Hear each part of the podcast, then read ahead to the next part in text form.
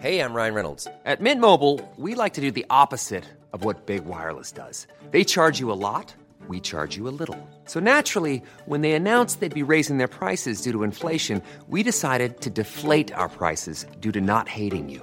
That's right. We're cutting the price of Mint Unlimited from $30 a month to just $15 a month. Give it a try at mintmobile.com slash switch. $45 upfront for three months plus taxes and fees. Promo rate for new customers for limited time. Unlimited more than 40 gigabytes per month. Slows. Full terms at mintmobile.com. Hej innebandy Sverige! Välkomna till ett nytt avsnitt. Den här gången har vi med oss Pontus Berger. Han är nybliven medlem i den nya förbundsstyrelsen. Det är en av de häftigaste rekryteringarna till eh, styrelsen på väldigt, väldigt många år. På senare år har han gjort sig känd i innebandy Sverige som eh, väldigt engagerad i somalisk innebandy och eh, projekt i eh, Göteborgsområdet för att få nyanlända att spela innebandy. Men han har ju väldigt lång eh, karriär som turneringsledare för Mölndalscupen som han har drivit i 33 år. Han har spelat innebandy i 37 raka säsonger mer eller mindre. Och han har varit Eh, domare på eh, högsta nationella och internationella nivå eh, i 12 säsonger. Det finns alltså hur mycket som helst att prata med Pontus om. Men nu tycker jag att vi sätter igång det här avsnittet. Nu kör vi!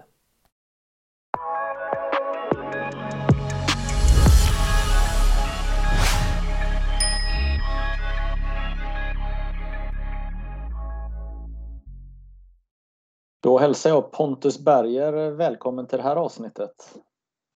Tack så mycket. Du jobbar på Volvo och har hand om sommarjobbare och praktikanter eller är det sommarjobbare som du sliter med nu? Nej, det är, det, det är både och. Jag, på här. jag jobbar ju på Volvo Cars sedan många, många år tillbaka men sedan 2017 så jobbar jag med ett speciellt uppdrag att, som innebär att försöka göra någonting åt den sociala segregationen som vi har i stan. Och eh, man kan säga att resan in i den eh, i det jobbet efter många år på Volvo Cars, det var mitt engagemang i Bergsjön och jag misstänker att vi kommer komma dit eh, lite senare i det här samtalet.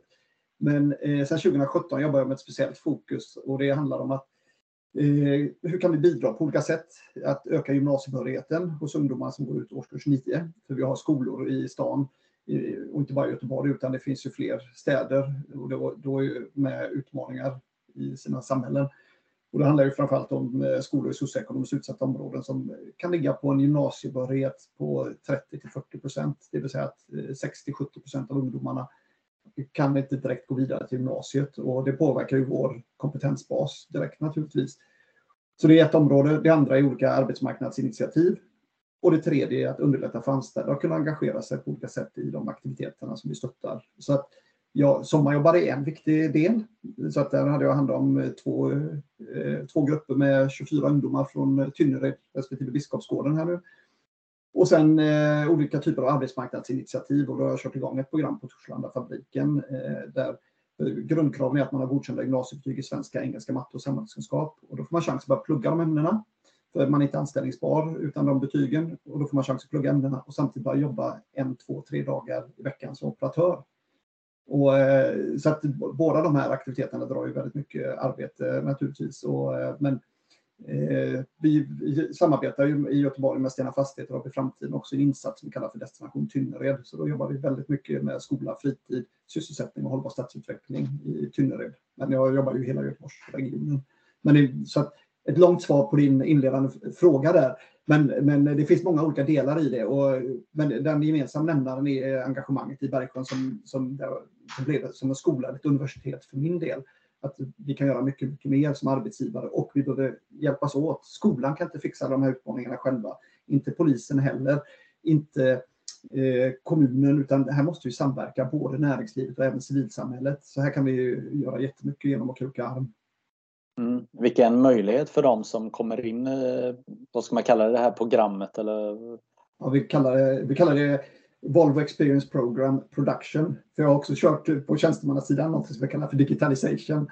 Så att, eh, men, men det är naturligtvis en, en möjlighet att eh, för oss att nå talang, personer som vi annars inte skulle kunna anställa och personer naturligtvis som verkligen är motiverade och verkligen vill ta sig vidare. Så att vi, vi träffar ju fantastiska personer här och det finns otroligt många eh, berättelser att berätta om deltagare.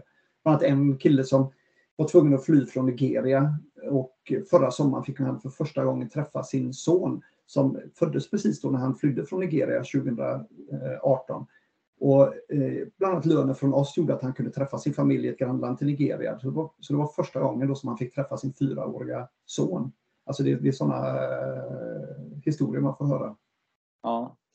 Eh, varför jag har ett samtal med dig det är ju för att du är precis nyvald in i Svenska innebandyförbundets styrelse.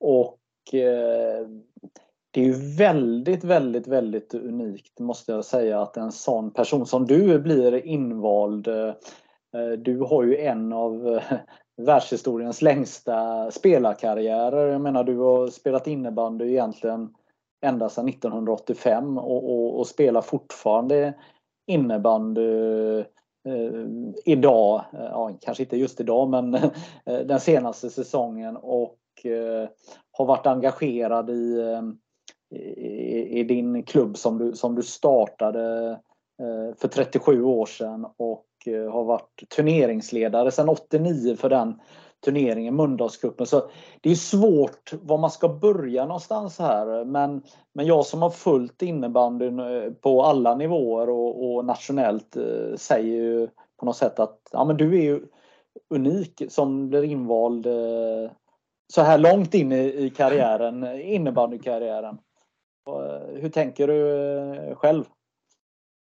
Jag blir lite smickrad när du lägger upp det på det sättet. Men unik vet jag inte utan jag skulle snarare vilja säga att vi, det var ju, innebandy växte ju fram där eh, på, på 80-talet tack vare att många 50-talister och 60-talister engagerade sig på, på, olika sätt. Eh, så jag, jag var ju engagerad också. Jag var ju eh, satt i styrelsen i Göteborgs innebandyförbund i slutet på 80-talet, början på 90-talet. Men har ju verkat mest lokalt kan man säga som, som ledare. Jag kom fram till att förra gången jag var på Svenska innebandyförbundets årsmöte, det var 1988. Eh, så det var några år emellan eh, mina årsmötesbesök. Men, men det är egentligen ingenting jag kanske på det sättet har strävat efter. Jag har aldrig varit ute efter vissa positioner utan jag tycker det viktigaste har varit att eh, utveckla saker och ting, ta saker och ting framåt. Och eh, det, det, är nog först nu när jag har engagerat mig så i Bergsjön som jag har insett att eh, vi, kan, vi kan göra mycket, mycket mer inom idrotten. Precis som jag sa att Volvo Cars kan göra mer så kan vi inom idrotten också göra väldigt mycket mer. Och med tanke på de utmaningar som vi ser och eh, att, att idrotten minskar, blir mer, blir mer konkurrensutsatta. Eh, vi, vi, vi har ett, en ambition att vi har ju det strategiska dokumentet Svensk innebandy vill och vi har ett mål att till 2030 så ska vi vara 180 000 utövare. Och det är en rejäl ökning på de åren. Och vi kommer inte nå ett sådant mål om vi inte börjar jobba otroligt målmedvetet. Och det, det har vi redan gjort och startats upp, men vi behöver göra ännu mer. Och kan jag bidra till, med det arbetet med några av de erfarenheter jag har samlat på mig så gör jag det gärna, för vi måste bredda idrotten och innebandy till fler områden. Vi måste nå fler. Och det, det är nog där jag kan tillföra lite mer, eh, hoppas jag, och, eh, och vara en aktiv part och bidra med den erfarenheten som jag har samlat på mig. För att, eh, inom, tittar man på Riksidrottsförbundet också i stort så har vi en peak bland eh, utövarna åldersmässigt vid 11 års ålder. Och, och sen tappar vi ju utövare konstant. Eh, jag, menar, jag vet att du har en son och jag har en son som båda har lagt av med innebandyn för inte så himla länge sedan. Min son var 16 år när han, när han var 14 när han la av och din son var väl Eh, tio något yngre. Ja, ja. tio, och, ja. och det, det, är typiska exempel. och det, och det, det räcker ju inte, eller man kan inte nöja sig med det och bara säga att, att det är pandemin, utan det här har ju funnits före pandemin också. Nu har vi tappat eh, inom vissa idrotter, tror jag, fler naturligtvis under pandemin, men ska vi nå de här eh, utmaningarna till 2030 och, och det handlar också om att innebandy ska vara relevant. Jag menar, vi, vi är ju Sveriges näst största lagidrott och Eh, vi, vi älskar ju den här sporten och vi vill ju att innebandyn ska fortsätta växa. Vi vill att innebandyn eh, ska få den, det utrymmet i media som, som vi tycker att vi förtjänar. Men då måste vi också vara relevanta. Vi måste verkligen vi måste fortsätta utvecklas och växa. Vi måste bjuda in fler grupper. Vi, vi, eh, vi behöver helt enkelt visa att vi, vi är en aktör som tar del i samhället och samhällsutvecklingen, att, att vi bidrar till ökad nivå när det gäller hälsa och så vidare. Så att vi, vi behöver visa oss relevanta för då, då kommer inte media kunna blunda heller för som vi växer och utvecklas. Så att det är ja, ett långt svar på den frågan också. Mm. Nej, men jag vill hänga kvar i det här med eh, vilka personer som eh, vanligtvis hamnar i en förbundsstyrelse, exempelvis Svenska innebandyförbundets styrelse och, och på något sätt oftast brukar det vara en startsträcka för man blir inplockad för att man eh, Eh, sitter på någon annan typ av position i samhället. I alla fall de sista 20 åren har det varit så. Och, har man ganska, och många kommer in med ganska begränsad eh, erfarenhet av innebandy på, på alla nivåer. Man kanske varit eh, eh vet du, någon form av funktionär eller, eller engagerat sig i någonting. Men, men vad jag vill säga till hela innebandy-Sverige och som lyssnar på det här det är ju att du har ju haft alla, alla roller och jobbat år ut och år in när det är ganska oglamoröst. Eh, alltså man, man gör ju inte det här för eh, glamourens skull. Eller? Nej, det, det, det, är inte så mycket glamour när man sätter sig där i, i, i bilen i november i snögloppet här i Göteborg. Nej, det, det är verkligen inte eh, så mycket glamour egentligen. Men, men, och, och, det är ju det som behövs, den här kontinuiteten, att man inte ger sig första taget heller om man vill vara med och påverka och utveckla saker och ting och ta saker och ting framåt. Ehm, så att det, men det är ju det vi behöver. Jag, menar, jag tror ju väldigt mycket på den ideella föreningsmodellen.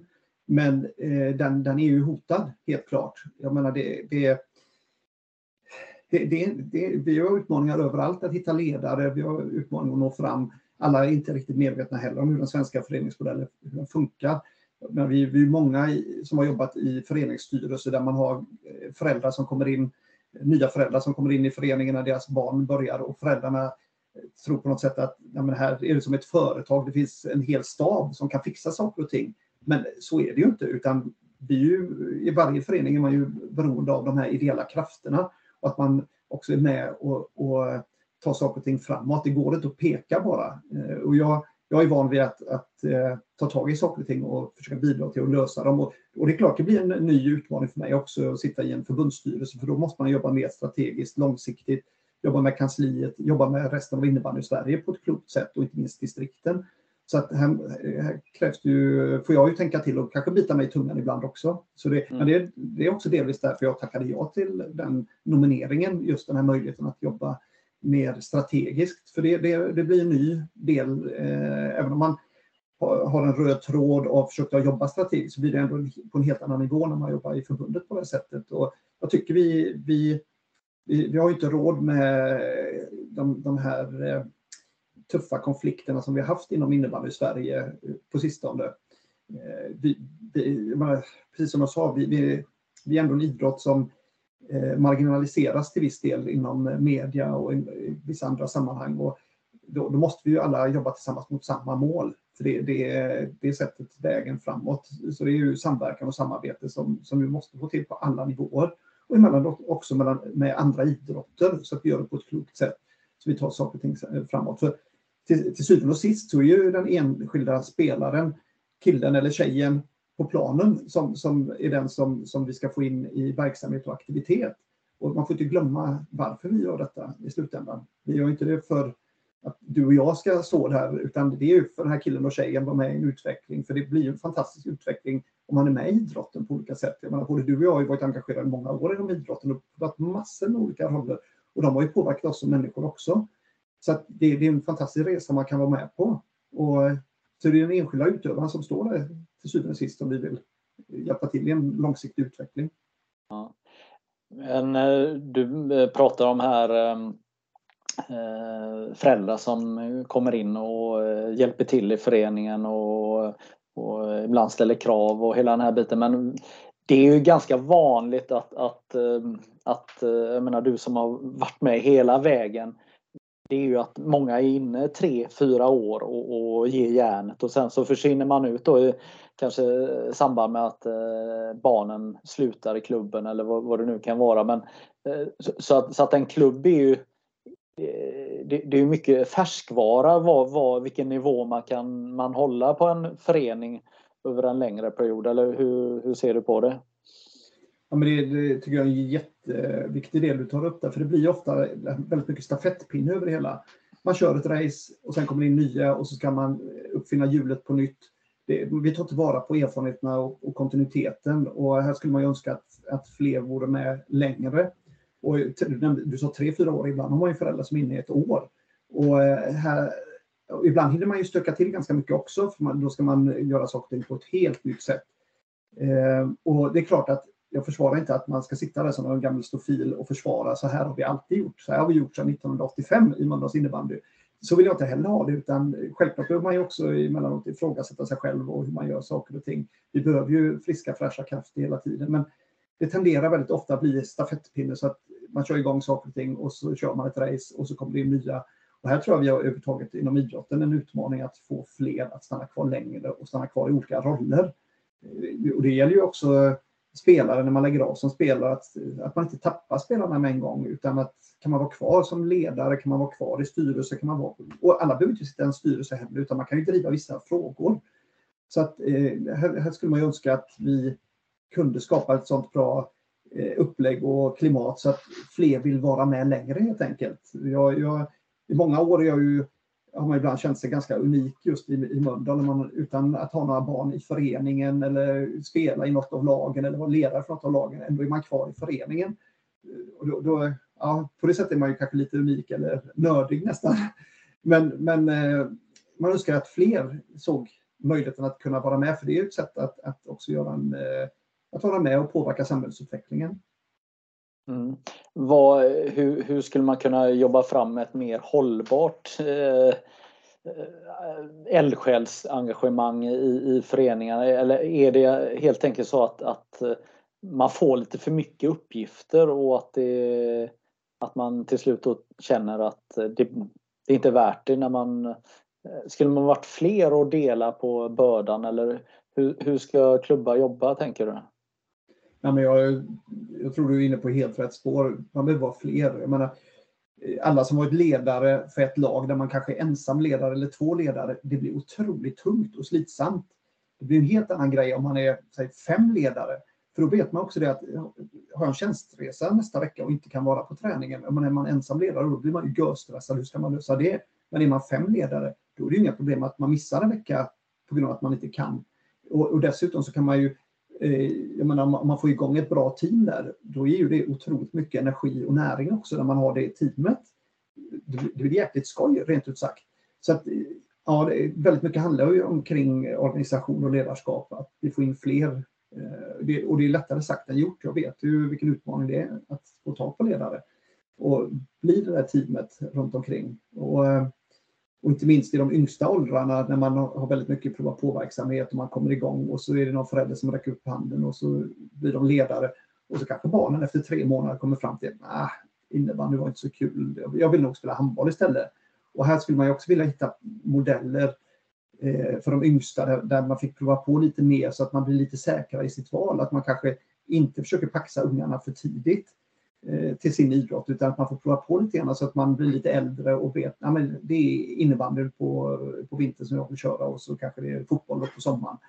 Eh, för det finns ju, för jag tycker det är viktigt att barn provar så mycket som möjligt när de eh, i de yngre åldrarna och, och vågar testa det mesta. Men det kommer ju alltid bli så att man efter några månader kommer fram till nej, det, det var inte så himla kul. Så att det, det ska vara intressant att testa lite sådana modeller också, att man får mer prova på verksamhet och sen när man har bestämt sig, att det innebandy jag vill köra, då, då kan man också lägga mer krut på föräldrarna när det gäller ledarutbildning och ledarutveckling och den delen. För att inom näringslivet så pratar vi om onboarding, det vill säga att när man börjar som nyanställd i ett företag, att man får sig en, en rejäl duvning i företagets värdegrund och hur det funkar och en bra introduktion. Och på motsvarande sätt så skulle man vilja se det som som en, som en naturlig del också i ledarskapet i en förening. Och jag har ju varit med om, jag var ju ordförande i Mölndal senast fram till 2006. Jag minns så väl sista säsongen där när det var en juniorledare, eller två juniorledare som i augusti sa att nej, vi, vi hoppar av. Och då står man där i mitten på augusti utan juniorledare för en grupp där det är extremt känsligt med, med, med, med bra ledare. Och då var det en förälder som räckte upp handen och erbjöd sig att ställa upp. Och vi bara tänkte styrelsen, åh vad skönt ja, varsågod, här är nycklarna, tuta och kör. tre veckor senare så ringde ju föräldrarna och var helt förtvivlade för det funkade inte överhuvudtaget i gruppen. Och det är ju ett exempel på en otroligt dålig onboarding av oss som styrelse. Men just i det ögonblicket var man ju så tacksam att någon räckte upp handen. Men det, det är ju katastrofalt att hantera det på det sättet. Så där, där känner jag att vi, vi kan göra mycket, mycket mer inom idrotten. Men det är ju tillbaka till det här med framförhållning, planering och har ha det utrymmet. Och det, det, det är tufft när man väl sitter där och man försöker släcka bränder. Mm. Eh, tänker att vi byter lite spår här. Jag tänkte ta lite historia här. Jag känner ju väl till eh, din förening och mycket som du har gjort genom åren. Eh, ehm, men eh, jag tycker du ska få berätta lite hur, hur allt börjar. 1985 så, så händer någonting i, i Sverige och i, på västkusten i Göteborg. Då eh, är det en massa individer som eh, eh, får reda på att eh, innebandy är, att det är på väg att bildas någon form av serie och, och det är lite mm, eh, kontakter som tas långt, långt, långt innan internet finns och sånt där. Och, och helt plötsligt så, eh, så, ska man bilda eh, eh, ett förbund och en serie och, och, och så och man behöver tio lag. Men eh, Mundal IBK som ni hette då i början, nu heter klubben IBF.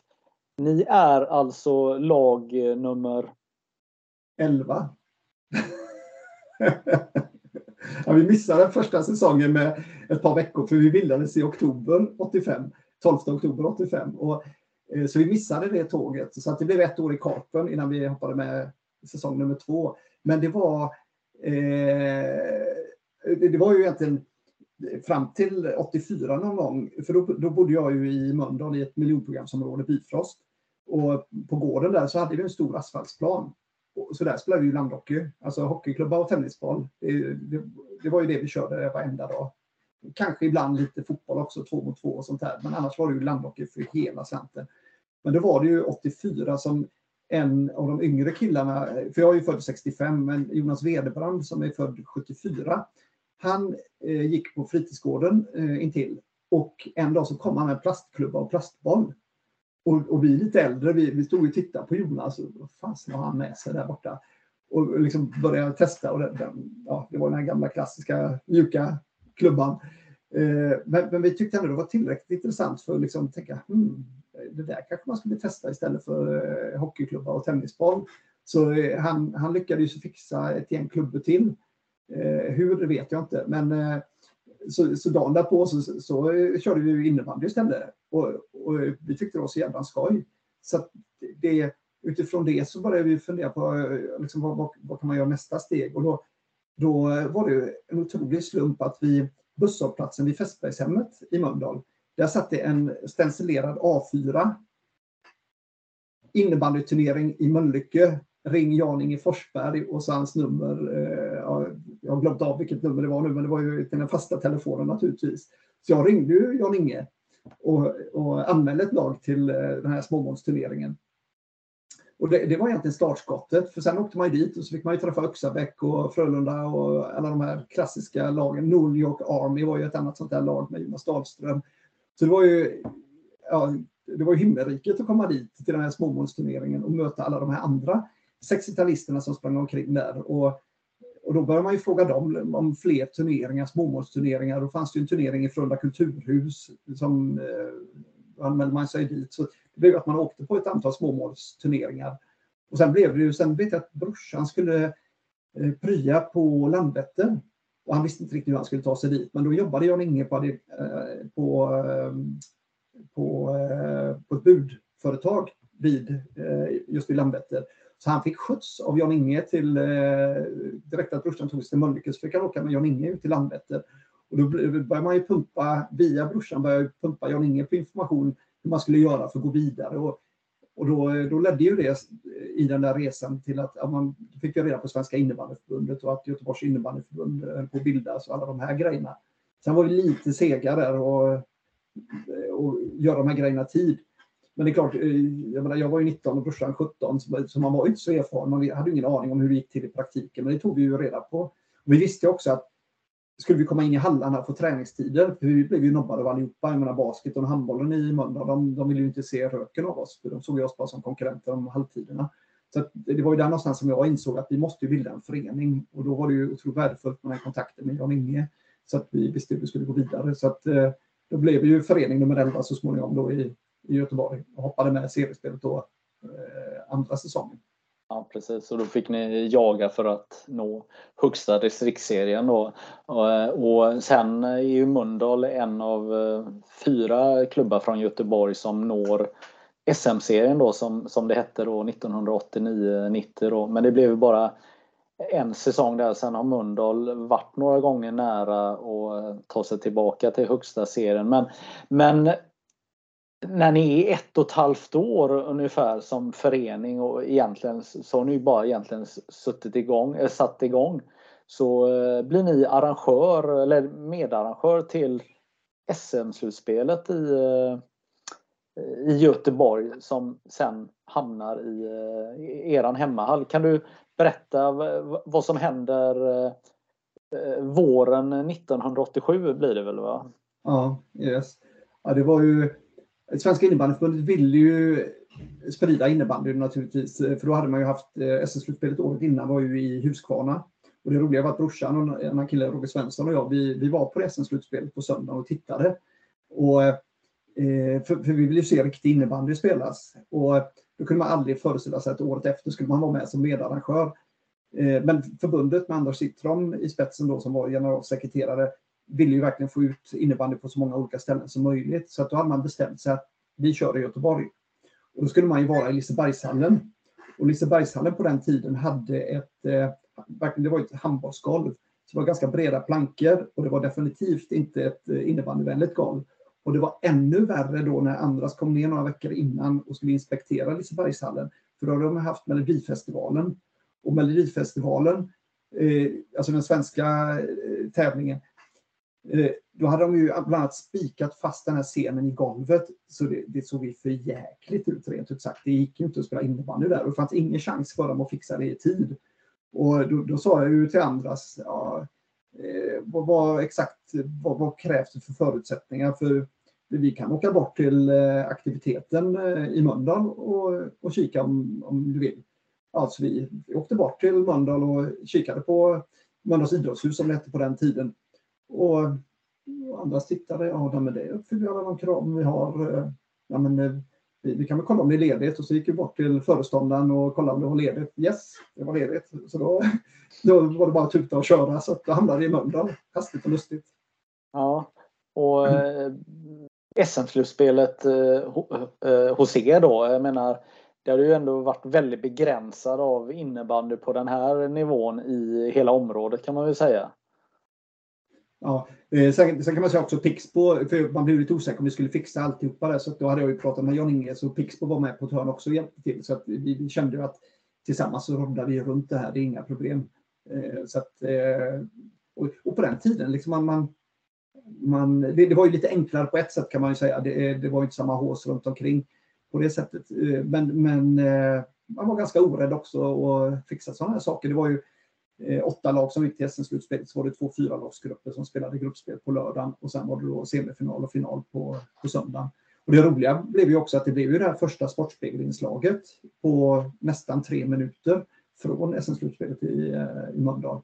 Så det, det, det var också otroligt häftigt att vi kom in i Sportspegeln där för, för första gången. Ja, eh, andra sitter de är ju ganska kaxiga där och eh, verkligen Eh, berätta för svenska folket att det här är nästa grej och eh, det tror jag gav alla självförtroende som eh, höll på med sporten. Ja, å andra sidan så säger ju Fredrik Johansson, heter han väl, säger i inslaget att är, är det här din första sport? Nej, det, det är ju egentligen golf som är min första sport. Exakt. Och det var ju väldigt mycket Mariestad i, i det här slutspelet. Det, domarna var väl från Mariestad. Åke Kalén var ju där och dömde. Ja. Eh, han var ju med och sen var det ju Lockerud mot Strandgården i finalen. Ja, och i sekretariatet satt väl också eh, några med anknytning till Mariestad har för mig. Ja, jag minns inte riktigt det. Nej, nej, det, nej det, det, vet jag när jag har forskat i det här. Men, men, men vad gav det energi för framtiden här att, att, att ni var med? För någonstans så var väl drömmen att ni skulle komma dit som spelare mm, till, till något annat slutspel, eller? Ja, nej, men det, det är helt klart att du nämnde ju SM-serien, eller riksserien som den hette till och med första säsongen, säsongen där, 89-90. Det, det blev ju väldigt eh, tydligt mål att ta sig dit. Sen var det ju en besvikelse att åka ut eh, första säsongen. Det var ju åtta lagsgrupper och det kom sjua i den där gruppen och det, det, det var en besvikelse och det, det hängde ju på så himla lite. Jag menar, en seger mot rätt lag så hade man klarat sig så det, det var en grym besvikelse. Men, mm. eh, men det var ett väldigt tydligt mål. Men någonstans där också så, så såg man ju hur ska man ligga på den där eh, Sverige, yppersta Sverige-elitnivån. Då, då krävs det så himla mycket mer, inte minst med organisation och struktur och ekonomi runt omkring. Och det är väl någonting som, som vi alltid har varit dåliga på, det här med sponsorer och få in eh, pengar. Dra in pengar. Och, och det tror jag är ett, ett gissel i alla storstadsområden. För det, det, är så svårt att nå ut och få de här kontakterna med näringslivet som man behöver.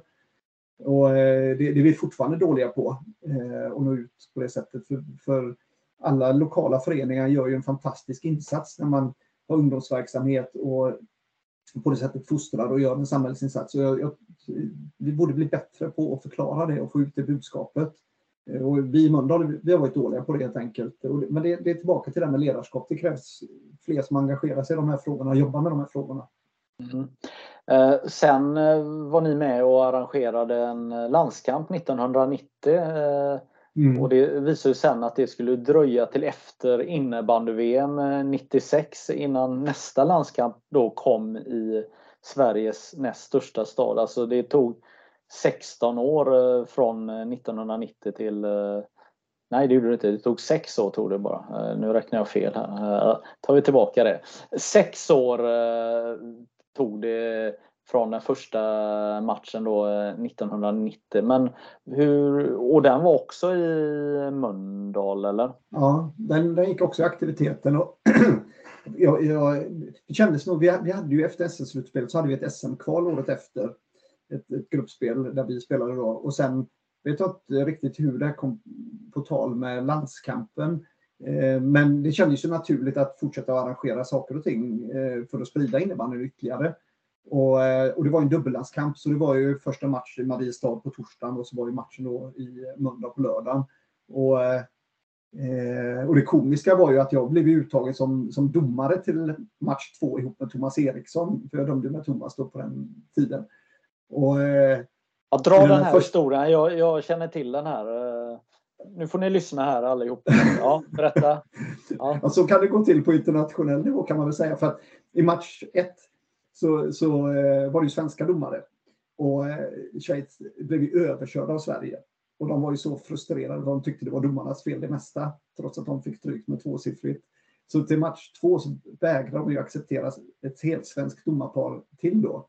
I form av Thomas och mig. Så de, de sa då på torsdag kväll, nej, vi, minst en av domarna ska vara schweizare. Så på fredagen så flög de upp en schweizisk, deras bästa schweiziska domare flög de upp på, på fredagen. Och, och jag, jag sa ju direkt till Thomas att nej, jag, jag har fullt upp med arrangemanget så att det gör mig absolut ingenting om jag hoppar över. Du får gärna döma med schweizaren. Så, så jag, jag, tog ett steg tillbaka där. Och sen då på lördagen så fick ju Thomas döma med en helt ny domarkollega, en schweizare. Då.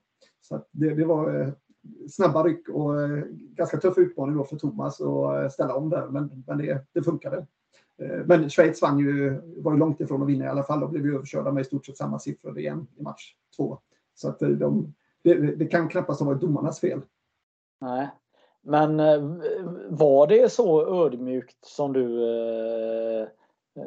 beskriver det verkligen hela vägen? Nu här 32 år senare så det var väl ändå att döma en landskamp var ju ändå en ganska stor grej och för Thomas Eriksson så var det ju också stort så att det var väl ändå lite eh, drama, var det inte det eller?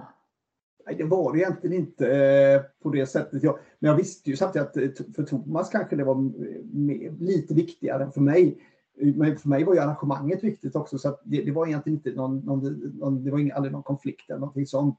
Eh, det taskiga var ju att jag fick ju aldrig döm, mer döma en herrlandskamp. Jag har ju dömt damlandskamper och juniorlandskamper men aldrig någon mer herrlandskamp. Så att det, det, det, var min chans tydligen. Men eh, mm. det kan man ju aldrig veta precis när man tar det beslutet. Men Nej. i det fallet, i, i, den situationen var det aldrig någon konflikt utan jag, jag sa direkt. Jag, det var ju fullt upp ändå med allting runt omkring. Så att, eh, jag var nog mer stressad att jag skulle behöva döma också samtidigt som man var väldigt involverad i arrangemanget. Mm.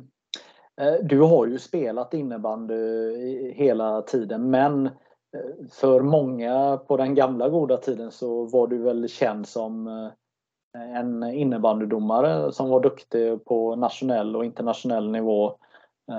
Var det en 12-13 år som du var på den högsta nivån eller, eller hur var det? Ja, jag har faktiskt funderat på hur många år det blev. För jag gick ju faktiskt Svenskas första förbundsdomarkurs 87. Så eh, på kansliet sitter ju en eh, domarkollega som gick samma kurs, Göran Berg, som jag misstänker att många också känner till. Eh, så, och eh, Anders Björnåsen och Jan-Inge Forsberg i Pixbo, de var med på samma kurs också. Och jag var där med Peter Getalöv, som en del kanske också känner från, från eh, Mariestad.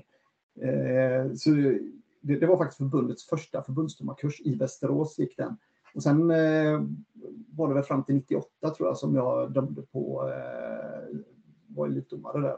Så att, eh, ja det, det, det, det blev, eh, man var ju med där under många år och det, det hände ju väldigt mycket också, den utveckling som vi såg där. Så det, det var ju spännande tider, eh, definitivt.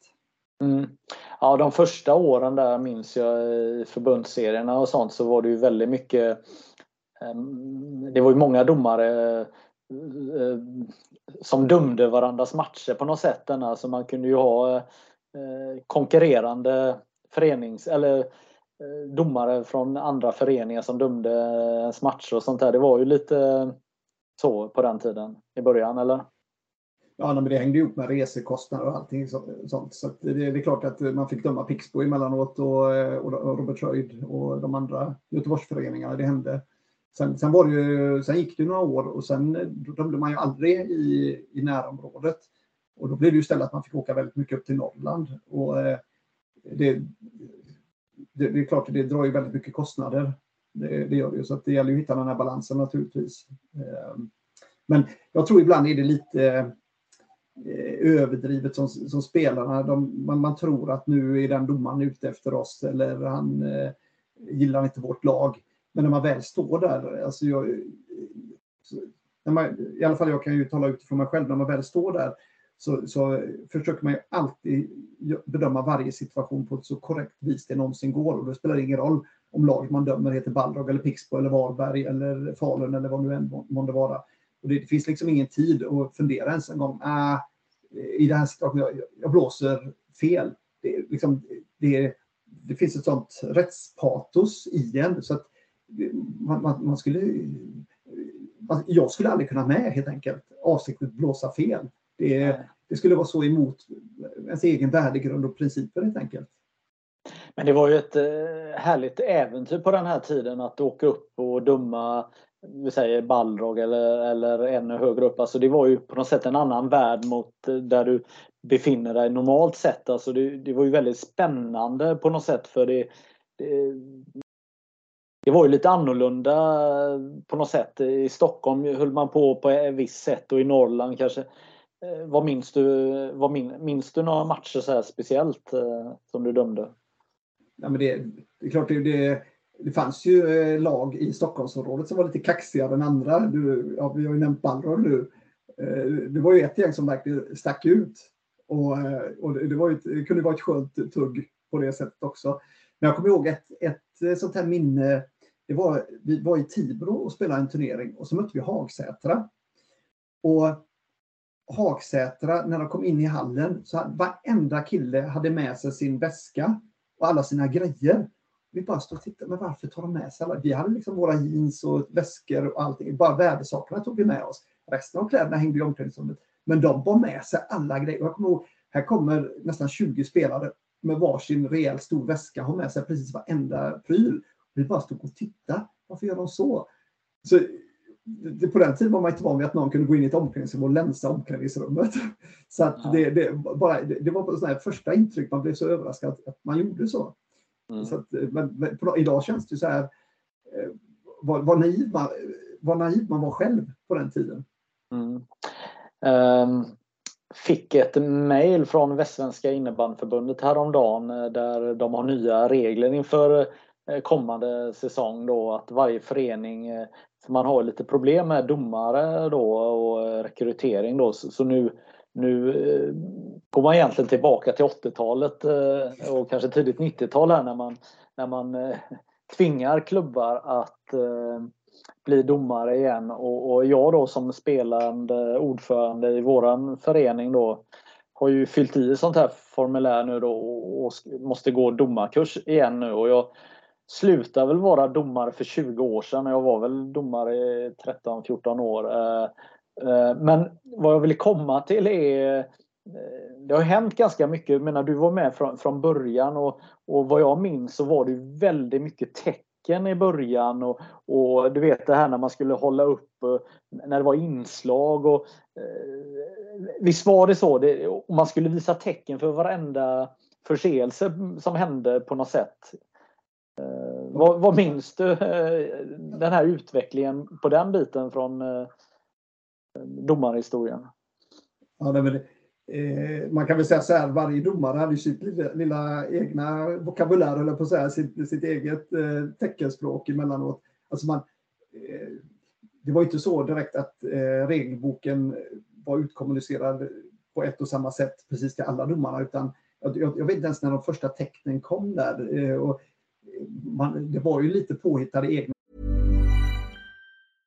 Ryan Reynolds here from Mint Mobile. With the price of just about everything going up during inflation, we thought we'd bring our prices down. So to help us, we brought in a reverse auctioneer, which is apparently a thing.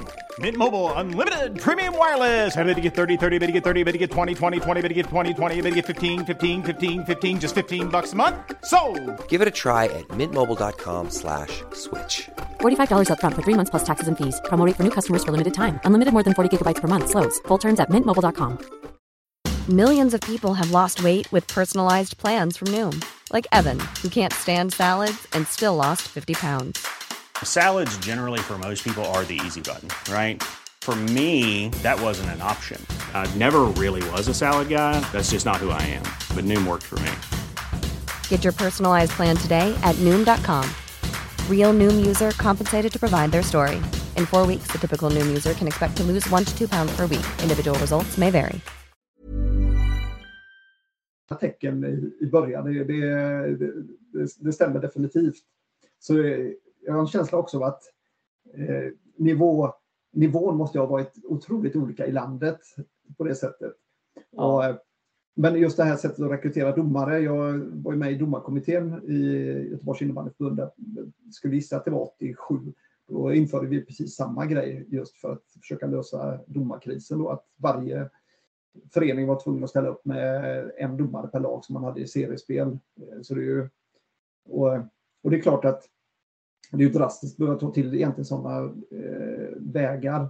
Men vad, vad, ska vi göra? Vi måste ju hjälpas åt här för att lösa de utmaningar vi har. För det, går, det hjälper ju inte att gnälla över att man tycker att domarnivån är, är för låg och så eh, står man där bara vid sidan och, och gnäller utan vi måste ju lösa de här utmaningarna tillsammans.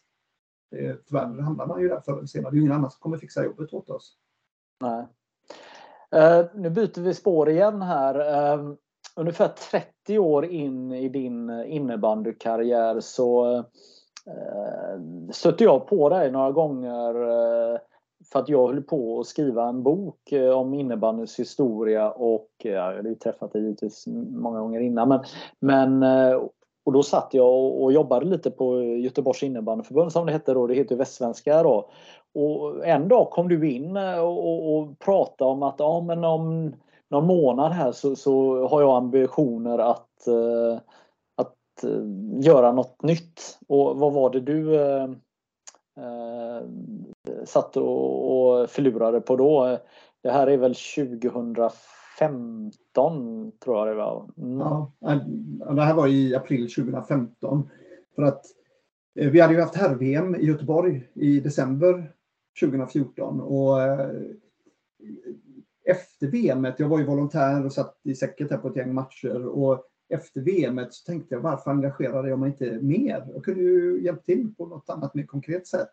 Och, och sen hade jag samtidigt också ett jobb på Volvo Cars där jag kände det, det, det var eh, som business controller i den, i den, största produktutvecklingsenheten. Så jag hade ju en liten ekonomistab och på den enheten var det 66 gruppchefer, det vill säga det var möten från måndag morgon till fredag kväll. Jag bara kände, fasen är det så här man ska ha det? Vad är det för kvalitet? Livskvalitet helt enkelt. Och så eh, hade ju filmen Trevligt folk som Filip och Fredrik gjorde om det somaliska bandylandslaget i Borlänge. Den hade premiär i slutet på januari 2015 och en vecka innan premiären så läste jag att, eh, att hälften av killarna i det laget hade börjat på bandygymnasium. Och då trillade ju polletten ner i min skalle för då tänkte jag, fasen var smart att använda idrotten som ett verktyg för att hjälpa ungdomar framåt. Så att jag försökte ju få med mig företaget här och tänkte att men det här skulle vi kunna koppla till CSR och jobba aktivt med, med den här typen av frågor. Men jag, jag, var, jag var lite för oerfaren att förpacka det på ett smart sätt så att företaget nappade på det där. Så det var ju ingen som tyckte det var en smart idé.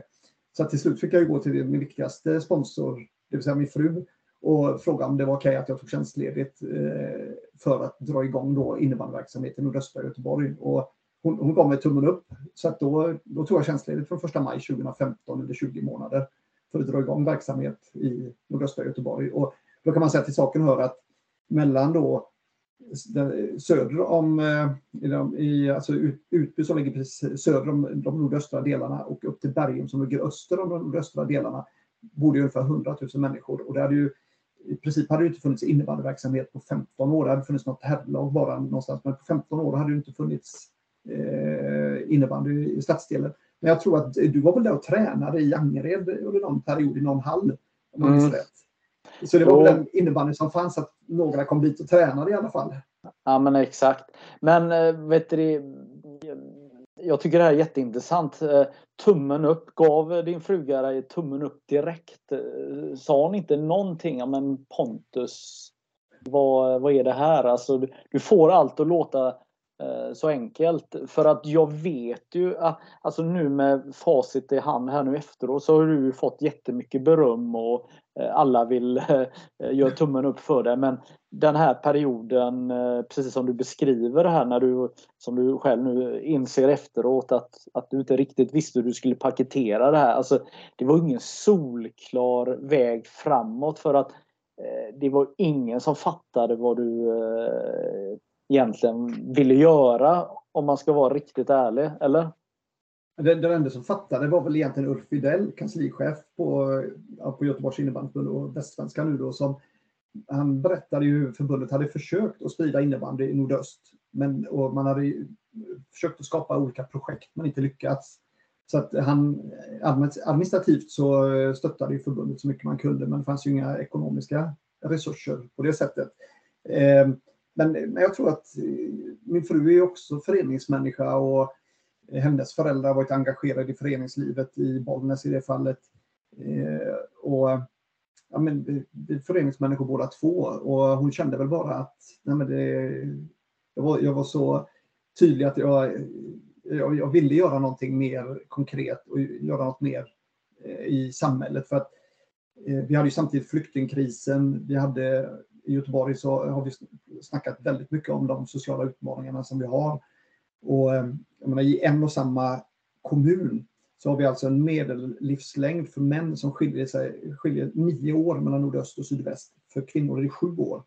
Vi har stora gap då när det gäller utbildningsnivåer, när det gäller andra olika hälsoaspekter eh, medelinkomst där, där, i nordöst så har den knappt rört på, på sig de senaste 10-15 åren medan den i mer välmående delar har ju gått upp, fördubblats i stort sett på 15 år. Så det, det är otroliga utmaningar som vi har och det blir ju parallella samhällen och det, det var ju där jag kände att jag, jag ville göra någonting. Och samtidigt kan man också säga så att vi, vi har en arbetsmarknad där vi har en jättestor utmaning när det gäller kompetens och det gäller ju inte bara inom fordonsindustrin där jag jobbar. Eh, men vi ska investera till exempel 26 miljarder i en eh, batterifabrik i Torslandaområdet, eh, ett joint venture med Northvolt. Och där ska det anställas 3000 personer fram till 2026-2027.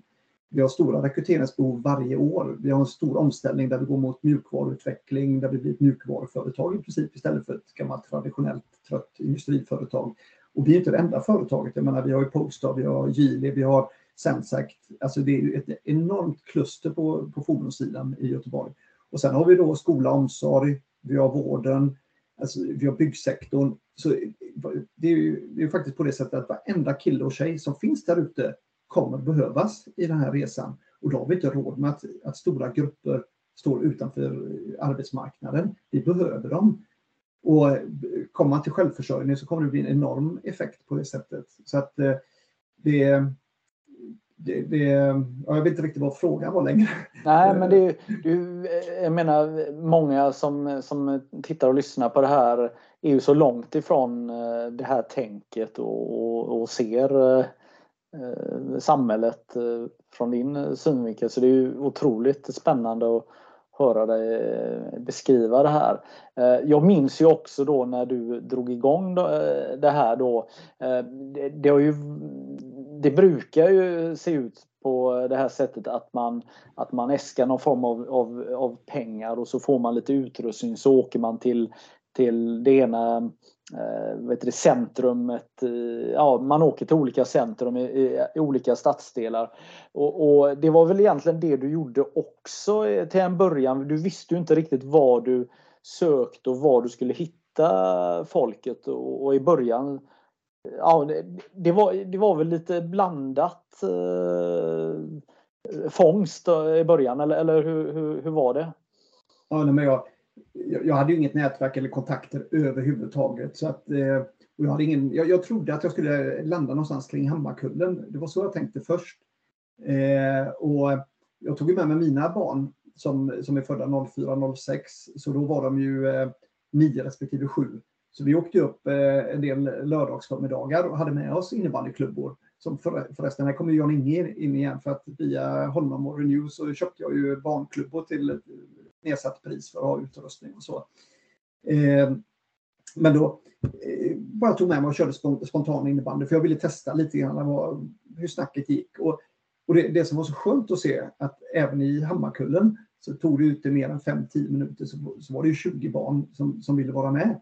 Så det, det, var ju precis samma mekanism som man kan se eh, i andra stadsdelar också. Att barn var ju jättenyfikna och, och ville vara med och de flesta här hade ju aldrig hållit i en innebandyklubba så det var ju jättekul att de ville vara med och, och testa. Och, det, och där gav vi lite mer smak för man såg ju att ungdomarna, barn, barnen vill ju. Så att eh, jag insåg ju att nej, men, det finns ett intresse här också. Men sen var det ju svårt då att, att ta det steget vidare. Men då var det ju eh, en förening i Bergsjö som då hette Somalia SK som var en fotbollsförening som bildades 2005. Eh, de hade ju även då kulturaktiviteter de hade en dröm om, om att bilda ett somaliskt innebandylandslag. Men de visste ju ingenting om innebandy. Så det blev en jättebra match på det sättet att de hade ju nätverket och jag hade innebandyerfarenheten. Och, och det gänget träffade jag tack vare en kille som heter Ahmed Ali som då jobbade på Bergsjöskolan. Men han hade läst om eh, vad jag ville åstadkomma. För GT gjorde en, Göteborgstidningen gjorde en artikel sommaren 2015 just om vad jag ville åstadkomma. Och han läste den och så ringde han mig och sa Pontus, jag vill gärna vara med i ditt lag. För ambition jag hade det var ju att vara med i division 6, då, lägsta serien i Göteborg. Och det var ju himla kul när, när Ahmed ringde. Och, men det han inte riktigt förstod det var ju att han var ju den första vuxne som ringde mig, för det var ju bara barn egentligen som hade testat. Men det som var så kul med Ahmed var ju att dels hade han ju spelat i en av de här föreningarna som fanns till ungefär 2000 i Renitz. Och sen så satt ju hans fågel i styrelsen för Somalia SK. Så att eh, det, det, man kan säga att eh, det tog inte många dagar från det att Ahmed ringde mig tills jag träffade styrelsen i Somalia SK så tog vi beslutet då att eh, gå vidare och bilda en innebandysektion i föreningen. Så att i slutet på augusti 2015 så bildades ju innebandysektionen och sen, sen körde vi. Mm. Så att det... På den ja, men det, det, det, var en... Det visar ju det här att slumpen och små tillfälligheter, men det gäller att vara lite på, på hugget så, så, så går det och, och ta sig framåt. För jag minns ju också, jag för mig att, att, du, att du beskrev också det här att, att man visste inte riktigt vad, jag menar om ni fick folk, eh, vi pratade om det innan här, att, att, att eller barn då testa och så uppmanade de att komma tillbaka nästa gång men då kom de, alltså det, det var väl ganska Eh, tuff utmaning just det här att, att eh, och, och, så var det väl också när ni väl drog igång att, att det var många som kom och gick eh, eller hur var det? Ja, det var ju en enorm omsättning genom att innebandyn inte eh, utspridd. Eh, så, så de flesta har ju kanske någon enstaka gång i gympan fått testa någon, någon sån här gammal konstig klubba. Och det, det, då tror man inte att det här är en riktig sport. Utan eh, innebandyutrustning är oftast, eh, det är inte det som man lägger pengarna på i skolan. Eh, så att det, det var ju en eh, jätteutmaning på, på det sättet. Som man, och jag, jag jobbade ju, varenda träning sedan 2015 har ju varit en öppen träning.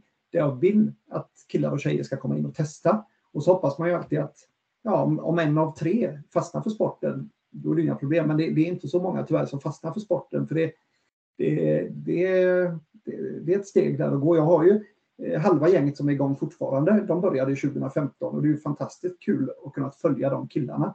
Då var de ju 15-16 år och nu då sju år senare så är de 22 och 23. Plötsligt kan de inte vara med på träningarna för de har fått jobb på, natt, på kvällsskiftet på Volvo eh, till exempel.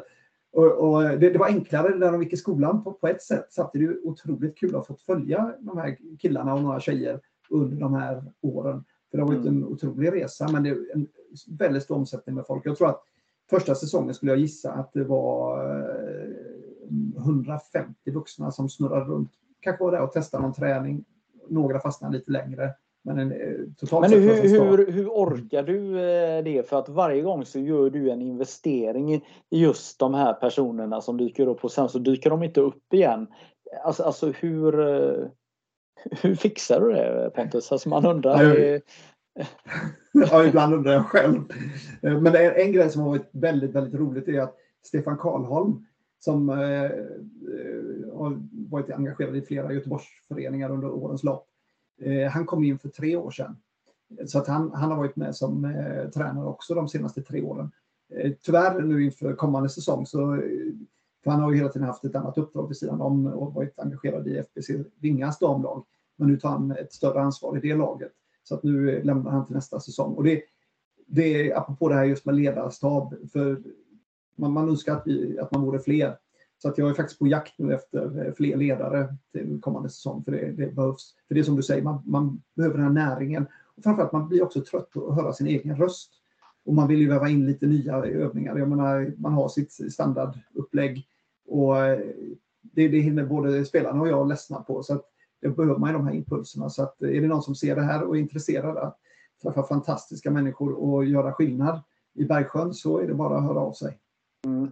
Nej men eh, eh, alltså jag tänker egentligen överallt i Sverige där, där vi har de här utanförskapsområdena så har det ju blivit en, en, en dålig spiral och, och även när det gäller innebandy då för att eh, går man ner då till, till skolan då som, som kan vara en inkörsport att man får prova på. Eh, många av de här skolorna väljer ju, eh, väljer ju bort eh, att ha innebandyutrustning på skolgården och i, gymnastiken då, för, eller idrotten då som det heter.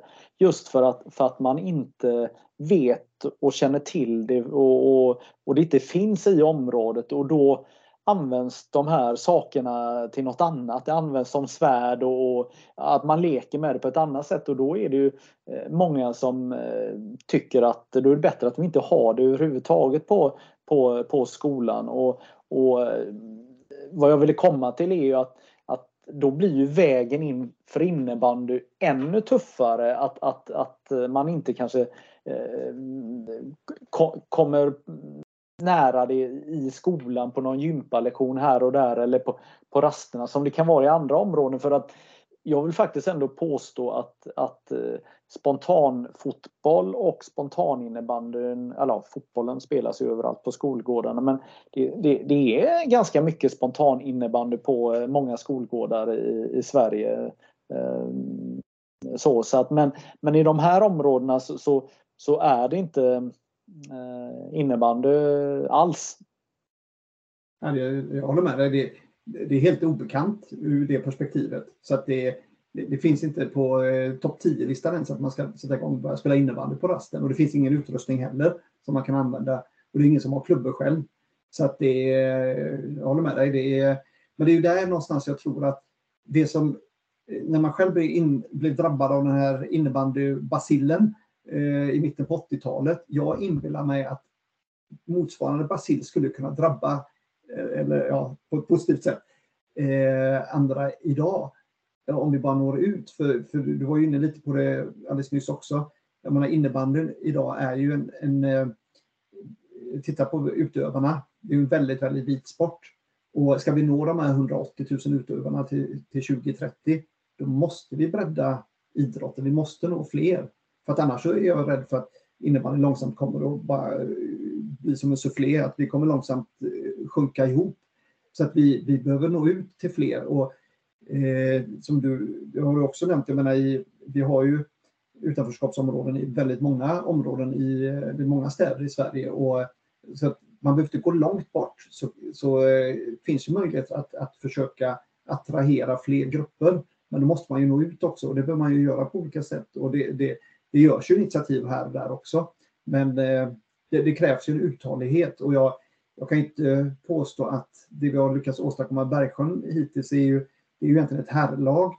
Jag har haft prova på träningar för tjejer under ett halvår eh, som inte lyfte. Eh, vi har försökt att få igång barnverksamhet för jag har ju insett att det, det är svårt att sprida idrotten innebandy till, till eh, större grupper när de, när de blir lite äldre. Vi måste ner i åldrarna till lågstadiet. Så vi har försökt i höstas att komma igång där men då, då sprack det också på ledare som fick lite andra uppdrag. Så vi har en jättestor utmaning där fortfarande att, att nå fram och verkligen sprida idrotten till, och innebandy till, till fler. Mm. Och vi tror att vi måste ner på lågstadiet. Men vi behöver hitta ett upplägg också så att det blir en kontinuitet i det. För då måste man ju engagera fler ledare. Så att det är ju någonting vi, vi försöker verkligen göra. Mm.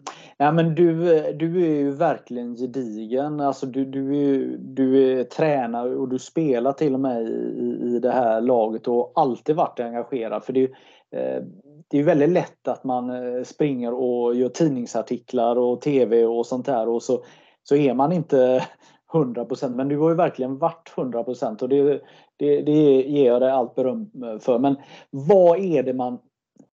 Hur ska man lyckas med de här sakerna som vi precis pratar om? Alltså, alltså hur, hur ska man sätta igång? Vilka verktyg behövs? Alltså är det heltidsanställda personer som på dagtid kan eh, komma in i skolorna och, och, och skapa eh, Eh, någon, någon, verksamhet mellan skolan och eh, hemmet, alltså den tiden emellan så som på 70-talet så, så startade någonting som hette SIA-verksamhet som fanns väl även på 80-talet där, där man, det blev nästan som en fritids ja, efter skolan. Alltså vad, vad, vad krävs, tänker du, för att innebandy och kanske även andra idrotter ska lyckas på riktigt? Alltså inte bara på, på pappret och att det ser lite bra ut eh, en kort stund. Ja, det, det, och det, det, här är ju egentligen eh, nyckelfrågan och, och hitta vägarna fram. Och det, det, finns ju inget enkelt svar på den frågan. För hade det funnits det så hade det redan varit uppfunnet och då hade det inte sett ut som, som det gör. Men jag, jag, jag tror, eller, det, det, som krävs är ju eh, stort engagemang och en långsiktighet. Eh, det, det är det ena. Sen, sen tror jag att skolan är en nyckelfråga. Att nå barn vid, vid rätt ålder. Eh, och då, måste man, då kan man fundera både på det här med rastverksamhet. Du har precis som du var inne på den här tiden i slutet på skoldagen och då är det också lättare att, eh, gör, att aktivera barnen eh, i skolan för då är det fortfarande under skolans paraply. Och i Göteborgs, i Göteborgs stad har man ju något som heter Skola mitt i byn. Eh, eller Skola som arena. Och eh, även något som man kallar för Lights On. Så det är koordinatörer som är finansierade av staden som jobbar tätt ihop med skolan för att bidra med olika aktiviteter på eftermiddagen. Och att, att skolan är igång fler timmar för att idag om skolan bara har verksamhet från 8 till 3 sen står den tom eh, många av lokalerna under resten av dagen. Så det här är ju tanken då att, att fylla skolan med aktivitet fram till 20.00 på, på kvällen, inte bara i, eh, idrottshallen utan även övriga lokaler, att man kan använda dem på olika sätt. Så det här kör man ju på ett antal skolor. Men den stora utmaningen är ju att då hitta de här eh, krafterna från idrotten som kan vara med. För det, det är ju inte bara att lämna jobbet och vara där på rastverksamhet. Det, det funkar inte. Så där måste man hitta vägar fram och jag har ju alltid eh, föredragit den här ideella eh, vägen. Men det kan man ju fundera på hur, om det verkligen är lösningen. Det, jag, jag vet man inte. Men det är här också man jag skulle vilja se en större samverkan med, med till exempel fältassistenter. Hur kan man samverka där? Men då hamnar man också lätt i de här organisatoriska silosarna där fältassistenterna tillhör ju socialförvaltningen och så kommer, kommer man från idrotten. Då blir det så att ja, men, ska, ska, ska man få personer att arbeta med, med idrottsfrågor, ja, men då blir man ju hänvisad till idrotts och föreningsförvaltningen och då hamnar man i de här organisatoriska silosarna och blir kastad eh, fram och tillbaka mellan dem. Och här skulle jag ju önska att man hade en, en större förmåga att, att, se helheten och titta just på individen. Och hur kan man hitta vägar fram? Mm. Eh, för det, det, är en jätteutmaning. Men jag tror också att för att nå fler och inte minst nå fler tjejer så måste man börja med aktiviteter i, i lågstadiet. Jag försökte själv köra igång eh, innebandy för tjejer som var 14, 15, 16. De, jag fick inga som kom från Bergsjöskolan trots att vi var där. Men däremot eh, Bergsjön SKs eh, flicklag kom på träningarna och tyckte det var jättekul. Och det, det var ju framförallt somaliska tjejer. Så det går ju. Och, eh, och bedriva verksamhet. Men det, det är ingenting som eh, kommer bli hållbart över, över tid. För då måste man bli fler. För då var vi 8, 9, 10 spelare på de här träningarna. Och det, det lyfte aldrig och, och det blev snarare att, att eh, vi blev 8 än att vi blev 12. Och det, alltså det, det var otroligt tungt att, att bygga upp en hållbar eh, verksamhet helt enkelt. Mm. Eh, när jag sitter och pratar med dig här så, så tänker jag också på eh, de här nya eh, spelformerna som, som det börjar pratas mer och mer om eh, både i Sverige och i Finland. Det här att spela på, kanske spela eh, att jobba för innebandy tre mot tre med målvakt och lite mindre planer och, och, och menar, det kan ju också vara ett sätt att, att, att, att skapa någonting. Och sen något annat jag tänker på det är ju det här du sa eh, när ni eh, började på 80-talet. Så, hoppade ni in i en turnering och sen när ni har spelat den så var första frågan vad, vad är nästa turnering? Och, mm.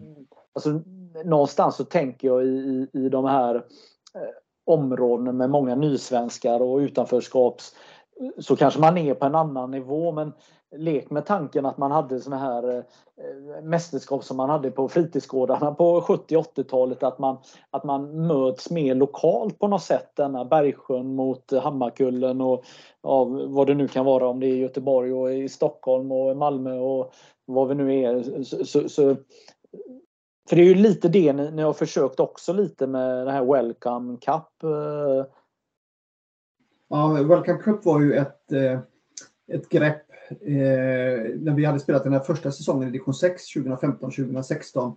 Så det var ju otroligt tufft att möta andra division 6-lag.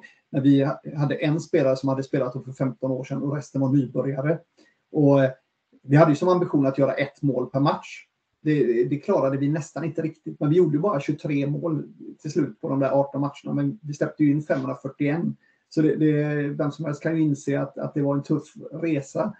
Och, men det var, det var ju då, eh, för det hade jag aldrig riktigt räknat med. Och det är därför som jag ändå tycker det är intressant att eh, när media har skrivit om vad, vad vi vill åstadkomma, det är ju inte för, för, att lyfta mig själv eller någon annan eh, person i luften på olika sätt, utan det, det är för att inspirera och förhoppningsvis också ge tips och idéer till fler, att man kan engagera sig på olika sätt.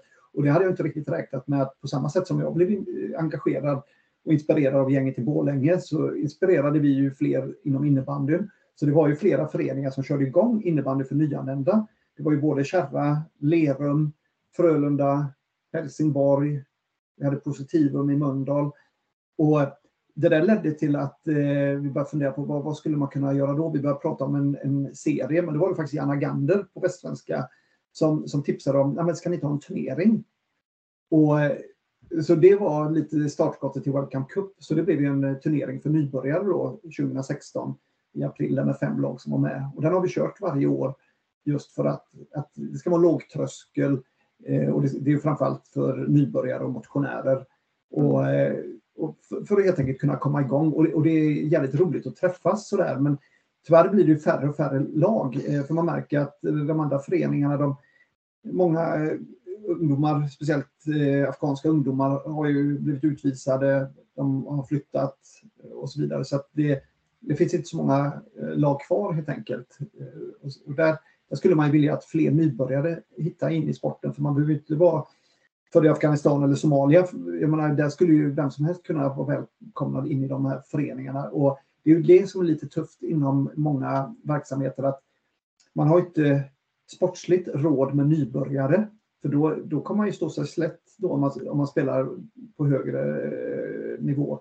Eh, eller lägre nivå också för den delen. Och där är ju eh, First League som vi har som är ett, bygger på motionsseriekonceptet som vi också har kört sedan 2016 det är ju världens möjlighet för att nybörjare kunna komma, kunna komma igång. För det är verkligen låg tröskel där. Ja. man önskar att man fick in fler lag helt enkelt så att man fick en bredare verksamhet.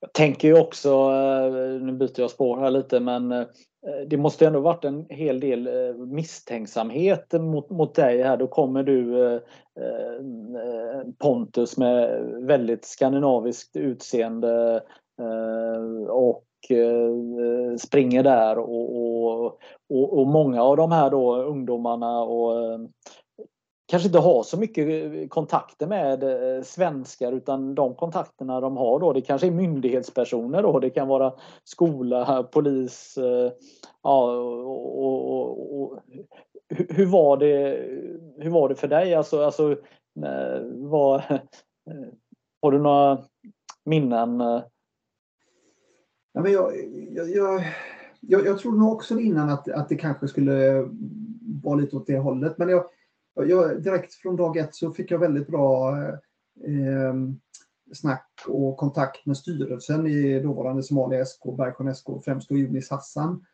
eh, som han heter, som är väldigt engagerad. Och, och han var med också väldigt mycket första året. Han var med som spelare första året till exempel. Eh, spelade väl hälften av matcherna ungefär. Och eh, jag, jag, tror att det, det, fanns en nyfikenhet och intresse också av att... Eh, för han, han och styrelsen i, i Somalia SK hade tycker jag, en väldigt sund inställning. För då hade man ju fotboll plus att man hade då kulturaktiviteter och läxhjälp och den typen av saker på programmet. Och där fanns det ju en, en klokhet på det sättet att man sa att nej, men alla vill inte spela fotboll. Genom att vi har innebandyn också så får vi fler aktiviteter som kan locka ungdomar att vara med i organiserad verksamhet. Så det var en väldigt klok tanke på det sättet. Så att på det sättet så blir du legitimt, eller vad man nu ska säga. Sen, sen kan jag ju villigt säga att den här svenska föreningsmodellen, den tror jag inte så många förstår sig på. Eh, för jag tror att de flesta eh, tro, eh, trodde nog och tror kanske fortfarande att, att jag är avlönad för att hålla igång innebandyaktivitet och innebandyverksamhet. I själva verket så kostar det ju pengar. Men det hänger också ihop med att den svenska föreningsmodellen är ju svensk. Eh, för fotbollsverksamhet eller basketverksamhet eller någonting annat i Mellanöstern och många afrikanska länder, då är det ju någon som ska tjäna pengar på aktiviteterna. Så att betala en medlemsavgift, det är ju för att någon ska kunna stoppa pengarna i sin egen ficka. Alltså det, det är ju, då är det någon som har gjort business av det hela. Så det är ju helt, och det är, likadant är det ju i USA. Eh, jag minns att jag hade en eh, kollega på, på Volvo Cars som flyttade till Los Angeles. Och den Eh, Eh, kollegans son spelade eh, ungdomsfotboll i Gais. Och på den tiden tror jag det var, om det var 1200 kronor i medlemsavgift. Men han, när han gick, eh, flyttade till USA, till Los Angeles och skulle spela fotboll i den lokala föreningen där, då var det en årsavgift på 8000 kronor. Och det här är snart 15 år sedan. För då skulle de pengarna eh, avlöna en tränare. Så det, det, var ju ett helt annat upplägg på det sättet. Och det, och det, det känner man inte riktigt till. Så där har vi ju jättemycket också att förklara hur modellen ser ut. Och, eh, men det är klart, det, det blir en del utmaningar då när man ska få tag på ledare och förstå att nej, det här är på din fritid. Så där har vi en väldigt stor eh, egentligen, eh, utbildningsfråga och förklara hur, hur det verkligen funkar. Mm. Eh, jag tänker så här att vi börjar närma oss slutet av det här samtalet men eh, det är nu de tunga punkterna kliver in här. Du är ju den första prenumeranten på innebandymagasinet. Jag eh, som då grundade innebandymagasinet och eh, inte hade gett ut ett, ett nummer. Jag kommer ihåg, ihåg det här fortfarande när du eh, går mot mig och, och, och, eh, när jag gör någon, jag gör någon form av reklam tror jag för, för att jag ska göra en tidning om, om, om innebandy och så bara går du fram till mig och så säger du att jag ska bli prenumerant. Ja, men det, det kommer jag också ihåg. Och jag tyckte det var självklart, för jag visste vilken risk du tog. Och i de lägena så behöver man ju allt stöd man kan få. Och det behövs ibland så himla lite. För man, det är klart att det finns en jättestor osäkerhet. Jag hade ju samma osäkerhet 2015 och 2017 skulle det leda till. Och då, det, då behöver man allt stöd man kan få. Så att jag bara kände att det är klockrent, det är självklart jag ska göra det. Och jag gillade ju också den, eh, vad hette den tidning som Svenska innebandyförbundet skickade ut en gång i månaden? Eh, den förbundstidningen som kom där. Ja, det var ju svensk, svensk innebandy, men sen var jag ju med och gjorde en, vi gjorde en för Göteborgsområdet var jag med och hade gjort eh, under flera år eh, innan där. Eh, ja, och jag, jag, ja, och jag, jag, minns ju speciellt den i, på 80-talet. Det var ju Christer Gustafsson som var redaktör för den. Och ja. man, man lusläste ju den från början till slut. Och, och det var ju likadant när innebandymagasinet kom där. Det var ju, var ju så gött att få någonting i handen. Och det kan, man ju, kan jag sakna fortfarande idag, att eh, det digitala är all ära, men ibland så saknar man eh, just det där att bara kunna gotta ner sig lite. Men jag, jag förstår ju också, man, man, kan inte hänga kvar i det gamla för evigt. Nej, det är eh, jättesynd. Eh, eh, för det är ett bra sätt att nå ut med information. Man kan faktiskt sprida den till folk som inte vill googla in på en innebandyhemsida. Men tänk om alla kommuner och väldigt många företag hade fått den till sitt personalrum och sånt där. Och då har han legat, eh, då har det legat någon form av tidning och, och så kan man berätta lite vad, vad innebandyn håller på med. Men vad jag ville komma till eh, förutom att eh, tack så mycket för de här 180-190 kronorna som, som du betalar. Men, men det säger ju ganska mycket om hur du är som person och det är därför jag tycker att det är häftigt att du ska vara med i Svenska innebandyförbundets styrelse. För att så som du gör, det, det, ja, men du är härlig när du, när, när du faktiskt stegar fram och, och stöttar någonting som, som, eh, som behöver stöttning. Precis som när du eh, mot alla odds eh, bestämmer dig för att ta tjänstledigt och göra någonting som många kanske mumlar om och pratar om men, men aldrig skulle göra. Ja, men det är, ja, vad ska man säga, det, det, ja, men det, genom att ibland ge sig ut i det okända så lär man sig otroligt mycket och för min del har ju eh, den resan från 2015, den, den innebar ju också att, att eh, jag bytte jobb helt och hållet på, på Volvo Cars och ledde in på helt nya spår. Och, och det är fantastiskt kul att, att eh, få den möjligheten. Och att man i det fallet hade en VD som, som nappade på, på de idéerna och tankarna. Och det är klart att det, det är ju mycket är tillfälligheter och, och flyt också. Eh, men eh, tar, tar man inte de här chanserna emellanåt så då är risken stor att man dör nyfiken och det, dör nyfiken det har jag ingen lust att göra. Och, men sen, samtidigt så när du säger det på det sättet så känner jag ju eh, man, man vill ju verkligen ta tillvara på de möjligheterna man har och det, det är klart att det, det, ska bli spännande nu i, i, i det styrelsearbetet och det är klart att det kommer ta ett tag här att sätta sig in i frågorna. Så att det är ju nu är man ju valt på två år så att eh, egentligen skulle du fråga mig om ett och ett halvt år ungefär eh, om, om jag är nöjd med den här första eh, den här perioden så får man ju se hur, hur det utvecklas, eh, vilka möjligheter man har. Eh, så att, för det, det, man får ju vara ödmjuk här till att börja med och, och, sätta sig in i frågeställningarna och de utmaningar som finns och jobba tillsammans med övriga styrelser och kanslipersonal, distrikten och, och föreningarna. Men eh, jag, jag är ju alltid en optimist. Jag, jag, jag försöker se framåt och eh, självklart ska vi lära oss historien men vi ska inte fastna i de gamla hjulspåren utan vi, vi har utmaningar framöver här och eh, fortsätter vi göra saker och ting på exakt samma sätt både i vår rörelse och även i kommunerna. Jag menar, då, vi har ju sett facit på hur det kan bli till exempel i kommunerna. Så eh, det är därför jag tycker det är, kan man hitta eh, effektiva vägar framåt, kan vi göra saker och ting på lite annat sätt så är, så är det ju verkligen värt att, att testa. Mm. Har du någon eh, galen grej du vill genomföra? Eh, inte... Eh, nu överrumplade du mig lite. Jag, jag har inte riktigt hunnit tänka till där. Men jag har ju, som vi, när vi pratade om förut, vad, vad man kan göra. Jag, jag, tror ju på att, att det handlar om verkligen det här eh, att vara uthållig. Det finns inga quick fix. Utan, men, men det jag känner spontant är ju att, eh, att nu efter pandemin, att träffas igen. Jag vet att det var ju en, eh, till en konferens som vi hade för det var två och ett halvt år sedan ett antal föreningar och distrikt träffades och pratade just om de här eh, de olika initiativen som var på gång i olika delar av landet. Och bara det att träffas och utbyta erfarenhet. Alltså, det, det, är kanske inte så galet som, som, som utan snarare tvärtom. Eh, men, men det är bara en sån här konkret aktivitet, att, att, träffas igen fysiskt, för då var det en tvådagarskonferens konferens i Stockholm. Och bara det att träffas, för det, det ledde ju till lite nya vägar och kontakter. Och vi, vi kan lära oss av varandra vi kan både lära oss det som har funkat bra men också det som har funkat mindre bra. Att vi delar med oss av de erfarenheterna. Det, det tror jag väldigt mycket på att, att eh, dela med oss. Och sen tror jag också att eh, vi har en utmaning där just att elit och bredd, där behöver vi jobba hand i hand och hitta vägar fram så att eh, vi, vi inte tappar så många innebandyutövare i de yngre åldrarna. Och också att, att eh, eh eliten, elitverksamheten behöver ju också synas mer. Så att det här gäller att jobba på ett klokt sätt tillsammans så att eh, innebandyn syns. Men vi, som, som, vi sa precis i början, innebandyn måste ju också visa att vi är relevanta.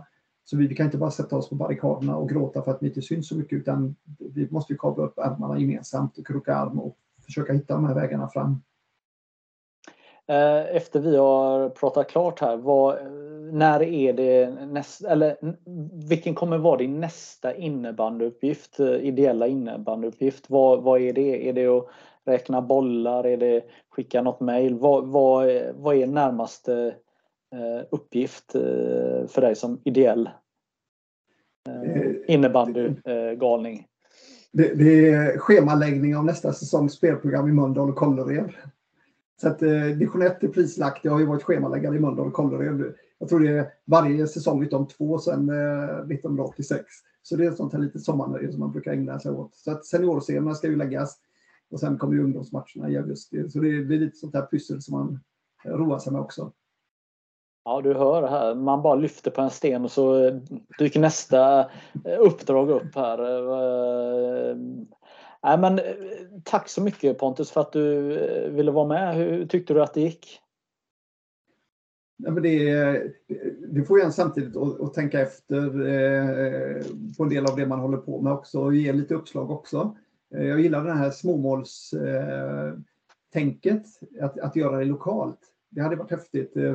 Eh, jag, inför valet förra, eh, för fyra år sedan så hade jag en idé om att de politiska partierna skulle komma till Bergsjön och vara med i en innebandyturnering. Men det, blev lite för komplicerat att ordna, även om intresset fanns hos en del partier att, att faktiskt komma. Men, eh, men det hade varit häftigt, men det, det, kräver ruskigt mycket jobb att nå ut med budskapet. För risken är ju stor att man står där, alltså om man ska möta lag från olika stadsdelar, man, man behöver jobba då i de olika stadsdelarna för att få ut budskapet och det är, det är lättare sagt än gjort. För vi, vi har en lång resa att gå att få ungdomar i Hammarkullen eller i Rannebergen eller Lövgärdet att ta upp innebandyklubban. Men eh, man, man önskar att det fanns några, eh, några till som skulle vilja engagera sig. För jag, jag, jag, tror att vi kan få fler att bli drabbade av eh, innebandybacillen i, eh, i nordöst om vi bara når rätt personer. Mm. Bra eh, Pontus, tack så mycket för att du ville vara med. Tack så mycket och ha en bra eh, sommar här. Even when we're on a budget we still deserve nice things. Quince is a place to scoop up stunning high-end goods for 50 to 80% less than similar brands. They have buttery soft cashmere sweaters starting at $50, luxurious Italian leather bags and so much more. Plus, Quince only works with factories that use safe, ethical, and responsible manufacturing. Get the high-end goods you'll love without the high price tag with Quince. Go to quince.com/style for free shipping and 365-day returns.